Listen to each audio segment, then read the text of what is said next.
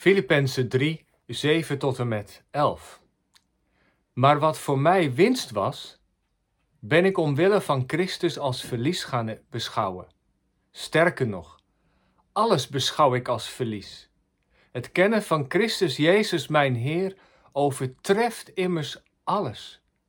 Omwille van Hem heb ik dit alles prijsgegeven. Ik heb alles als afval weggegooid.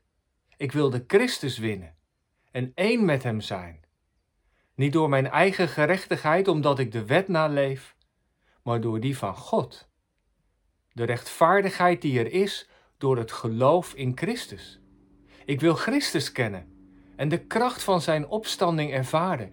Ik wil delen in Zijn lijden en aan Hem gelijk worden in Zijn dood. In de hoop misschien zelf ook uit de dood op te staan. Je merkt dan alles dat Paulus super radicaal is. Ook in dit stukje. Alles wat hij tevoren als credits had opgenoemd, zijn afkomst, zijn status, zijn kennis, zijn privileges, al die dingen, die halen het niet als, als hij ze vergelijkt bij wie de persoon van Jezus. Hij is bereid om alles als vuilnis te beschouwen. En vuil, dat moet je in de container uh, dumpen. Al die dingen waar hij zo belangrijk was, waar hij op vertrouwde, zegt Paulus, daar heb ik afstand van gedaan. Want er is iets gekomen wat vele malen belangrijk is. Het is super radicaal, Paulus. Van, ben ik omwille van Christus als verlies gaan beschouwen? Ik beschouw het als afval. Het, het, moet weg. Het helpt me verder niet. Dat is een hele radicale keuze. En je vraagt je natuurlijk af, hoe is Paulus nou tot die, uh, tot die keuze gekomen? Nou, op de achtergrond van dit Bijbelgedeelte staat natuurlijk die grote ontmoeting met de Heer Jezus. Uh, in Handelingen uh, 9 wordt die uh, beschreven. Als Paulus op weg is naar Damascus om ja, die jonge christenen te, te gaan vervolgen met brieven van de hoge priester, gebeurt daar dat wonder dat de levende Heer Jezus, die niet dood was, maar opgestaan, dat hij Paulus ontmoet. Dat er een groot licht komt, hij valt van zijn, zijn paard of van zijn rijdier dier af. En die stem, Paul, Saulus, Saul, waarom vervolg je mij? En die ontmoeting daar met de levende Heer. En die ontdekking dat hij op de verkeerde weg zat. Dat God iets anders van hem vroeg dan dat hij zelf dacht. Dat heeft zijn leven veranderd. Dan is hij drie dagen blind en dan komt hij in Damascus bij Ananias. Ananias wordt door een visioen door God geleid om naar Paulus toe te gaan. Spreekt hem aan als broeder. Eh, bid voor hem, legt hem de handen op. Hij wordt vervuld met de geest. Hij wordt genezen van zijn blindheid. En, Paulus is na dat alles een, een ander mens. Hij heeft maar één passie. en dat is natuurlijk ook, ook prachtig. Ik schrijf deze uh, ik maak deze Bijbelstudie in, de tijd uh, voor Pinksteren, als het gaat om de vervulling van de geest. En dat is wat de vervulling van de geest met je doet. Als je vol raakt van de geest van God, dan raak je ook vol van de Jezus. We zien Paulus daarna met ontzettend veel passie verkondigen dat Jezus de Messias is, de opgestane Heer. En het is die ontmoeting die zijn leven heeft veranderd. En het is die ontmoeting die hem ook heeft laten zien dat alles waar hij op steunde, waarop hij op vertrouw, vertrouwde, zijn vlees, hè, zijn afkomst, zijn status, zijn kennis, zijn kunde, dat haalde het niet bij de persoon eh, van de Heer Jezus. Ik heb het prijsgegeven. En dat is natuurlijk ook een hele, een hele stap geweest. En hij beschrijft het hier zo. Misschien is het ook wel een levensweg geweest, een ontdekking dat dat je uh, voortdurend ook weer bij geconfronteerd wordt. Wacht even, ik moet het niet in eigen kracht doen. Ik moet niet op mijn eigen kennis, kennis en kunde vertrouwen. Maar ik ben afhankelijk van Jezus. Het zal wel in de leerschool van de Heilige Geest een ontdekkingstocht zijn geweest. Maar hij beschrijft het hier in alle radicaliteit. En, en, en er is nog maar één ding wat overblijft. Ik wil Christus winnen. Ik wil Hem kennen en de kracht van zijn opstanding. En het woordje kennen, dat, dat heeft een Hebreeuwse achtergrond. Dat is omgang hebben, vertrouwelijke omgang hebben met. Paulus die wil die Jezus die hem heeft ontmoet, die zich over hem heeft ontfermd, die zijn zonde heeft vergeven, die wil die beter kennen. En hij heeft een hele diepe drijfveer van binnen eh, om ja, in alles op de Jezus gericht te zijn. En ik vind dat zo kostbaar, zo eh, ontroerend. En dat roept bij mijzelf ook wel verlangen op. Ja, zo wil ik ook zijn zijn dingen die gewoon in mijn eigen leven, die ik belangrijk vind, dingen die ik heb gedaan. Misschien wel boeken die, die ik heb geschreven of dingen waar ik denk dat ik dat wel redelijk kan. Maar het haalt het niet bij de persoon van Jezus en wat Hij voor me heeft gedaan. En daar heeft Paulus het ook uh, in deze versen uh, verder nog over, in de versen uh, 9, 10 en 11. Paulus zegt het in vers 9 zo, en in hem gevonden worden. Um, dat, dat, in, in de nieuwe Bijbelvertaling en één met hem zijn. dus als andere mensen naar Paulus kijken en, en ze vinden Paulus ergens, dan, dan zegt hij: dan wil ik gevonden worden in de Messias. En ja, dit, dit, dit vers wordt gedragen door, door dat beeld bijvoorbeeld dat we ook wel kennen uit de Johannesbrief, Johannes 15, over de wijnstok en de, en de, en de ranken. dat, dat de Jezus is de wijnstok en wij zijn door het geloof eh, eh, met hem verbonden als een rank in de wijnstok eh, geplant. En hier ook, ik, ik ben door het geloof ben ik met de Heer Jezus verbonden. Ik ben in de Messias.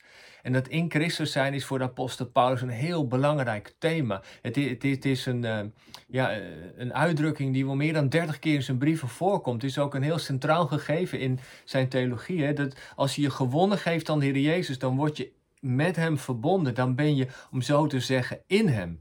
En dat heeft ook heel veel consequenties. Want eh, als je door het geloof met Jezus verbonden bent, dan ontvang je Zijn vergeving. Dan ontvang je Zijn genade. Dan ontvang je vrijspraak eh, van de straf en de veroordeling die je anders had gewacht. Hier focust Paulus het nog even in de discussie met, met, de Joodse christenen over de wet. want de, de gedachte was van, van de trouwe Joden dat als je de wet naleeft, dan ben je een echte tzaddik. Dan ben je echt rechtvaardig voor God. En Paulus zegt, ja, zo dacht ik verder ook. Maar Jezus heeft mij leren ontdekken dat, dat ik in de rechte verhouding kom met God niet doordat ik trouw de wet naleef, maar doordat ik met Christus verbonden ben. Er is er maar één op de wereld die goed was. Er is er maar één die trouw was en die de wet van God heeft vervuld. En dat is Jezus, dat is de Messias. Hij had er in hoofdstuk 2, vers 8 ook al over geschreven, hè? dat hij gehoorzaam was geweest. Gehoorzaam tot, tot de dood, ja, tot de dood van het kruis. En die rechtvaardigheid, eh, in het Engels die faithfulness, uh, ja, kan je ook wel vertalen met trouw. Het, het is de trouw van de Heer Jezus geweest aan de geboden van God, aan de opdracht van God. En daar moet het van hebben. niet dat ik één met Hem ben, niet door mijn eigen rechtvaardigheid, doordat ik de wet naleef, maar door die van God. De rechtvaardigheid die er is door het geloof in Christus. En de uitleggers wijzen erop dat dat laatste zinnetje, het geloof in Christus, zoals het hier in de NBV staat en ook in de HSV, beter vertaald kan worden met het geloof van Christus.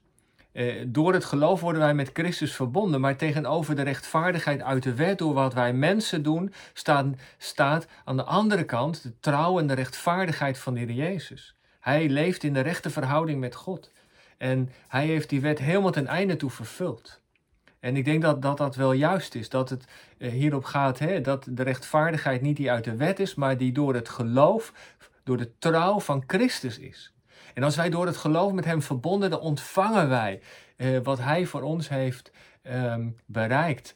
De gehoorzaamheid, eh, de verzoening, de vergeving, de vrijspraak, al die vruchten, die komen door het geloof naar ons toe. Maar het zijn de vruchten die Jezus voor ons heeft eh, behaald. Dat is dankzij zijn, zijn, zijn sterven aan het kruis, dankzij zijn levensweg, dankzij zijn gehoorzaamheid. En eh, door het geloof, als ik mij gewonnen geef, mag ik dat allemaal ontvangen. En wat ook opvalt, dat is misschien ook nog wel belangrijk om even te onderstrepen. Hè, er komt een passie in zijn leven. Ik wil Christus kennen en de kracht van zijn opstanding ervaren. Voor de Joden was de opstanding een belangrijk thema. Maar de opstanding zal aan het einde van de tijd plaatsvinden. de opstanding uit de dood aan het einde van de tijd. Als God zou komen, dan zouden de doden opstaan. Maar wat is nu de kern van het christelijk geloof? Dat God die opstanding naar voren heeft gehaald. Eh, God heeft zijn eigen zoon Jezus uit de dood doen opstaan. Als eersteling. En iedereen die door het geloof met hem verbonden raakt, zal ook opstaan uit de dood.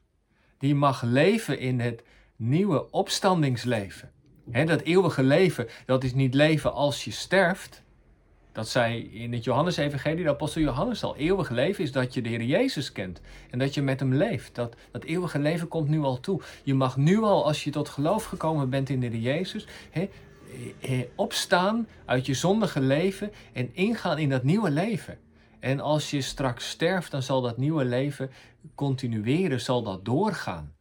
Maar dat nieuwe leven is niet straks voor, voor als je dood bent, maar mag je nieuwe ontvangen. En Paulus zegt, ik wil Jezus kennen en die kracht van zijn opstanding. Hij noemt dat niet, maar ja, dat heeft natuurlijk met de Heilige Geest te maken. Hè? De Heilige Geest eh, was de kracht van God waarmee Jezus uit de dood is opgewekt. En die opstandingskracht, die komt door het geloof ook ons leven binnen. Maar let op, en dat is ook een belangrijk aspect. Als wij door het geloof met Jezus verbonden worden en als we door de geest meer op Jezus gaan lijk, leiden, eh, lijken, ik zeg het al, dan betekent dat ook lijden. Ik wil delen in zijn lijden, gelijkvormig worden in zijn dood. Een christen is iemand die is een vis, een ichtersvis, die tegen de stroom ingaat. En dat is niet makkelijk. Terwijl heel veel mensen om je heen misschien niet geloven, terwijl de andere stemmen om je, om je heen zijn die zeggen van joh, zou je daar nou al je kaarten op zetten? Het geloof is toch een achterhaald iets, de feiten spreken toch een andere taal. Uh, dan zegt de geloof nee, Jezus is het en op Hem wil ik mijn leven richten. En dat betekent lijden, dat betekent ook onbegrip soms van je familie, van je vrienden. Zeker de broeders en zusters van de volgende kerk hebben dat natuurlijk aan de lijve ook ervaren. Wat het betekent om in een moslimfamilie de Jezus te leren kennen en de kracht van zijn opstanding. Word je buiten je, je familie, je gezin geplaatst, buiten de gemeenschap, word je met de dood bedreigd. Ja, dat hoort er allemaal bij. En tegelijkertijd is het ook die overtuiging die via Open Doors, de vervolgde kerk, naar ons toe komt. Dat, dat, dat mensen die Jezus hebben leren kennen en, en dat dat verreweg het beste is. En dat, eh, ja, eh, dat al dat andere, dat lijden, het niet haalt tegen het mooie wat je dan ten deel valt. En ja, daar wijst Paulus ons ook op. Wij hebben nog de vrijheid en de luxe om ons geloof te beleiden. Maar het kan zomaar zijn dat de tijden zullen veranderen. En dan zijn we door deze brief van de apostel Paulus alvast gewaarschuwd. We zagen net dat Paulus heel radicaal is. In onze ogen misschien wel te, radicaal te radicaal. Dat hij zegt, uh, mijn, mijn status, mijn afkomst, mijn, mijn kennis en dat waar ik goed in ben.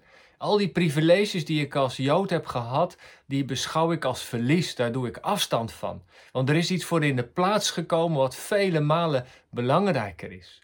Het roept natuurlijk voor ons ook wel de vraag op: uh, welke dingen uh, zou jij, zou u, zou ik als verlies moeten beschouwen die mij in de weg staan? Welke dingen staan mij in de weg om die Jezus beter te kunnen leren kennen? Misschien is dat wel een vraag waar we over na zouden kunnen denken, zo aan de hand van dit Bijbelgedeelte. En tot slot misschien nog een afsluitende opmerking van Paulus, die, ja, die heeft een ontmoeting met Jezus gehad, die zo zijn leven verandert, dat alles, eh, al het andere daardoor op de achtergrond raakt, het niet haalt bij wie Jezus is.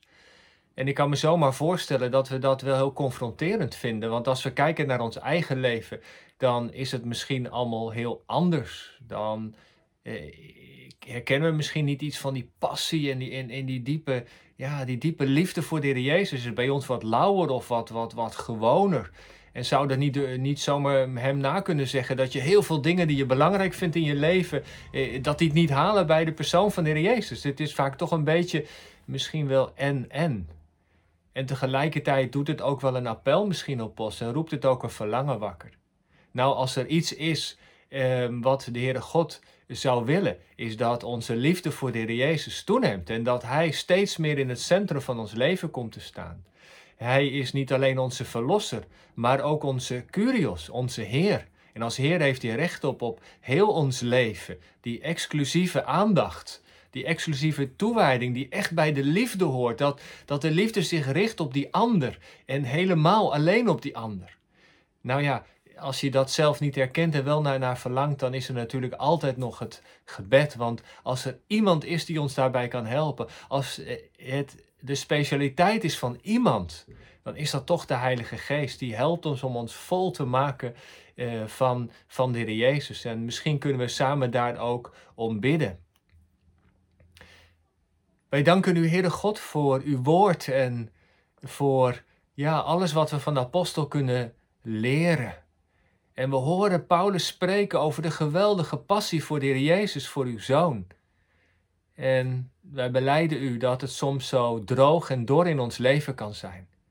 En daarom bidden wij u in zijn naam, of u met uw Heilige Geest ons hart aanraakt En of u ons vervult meer en meer met uw geest.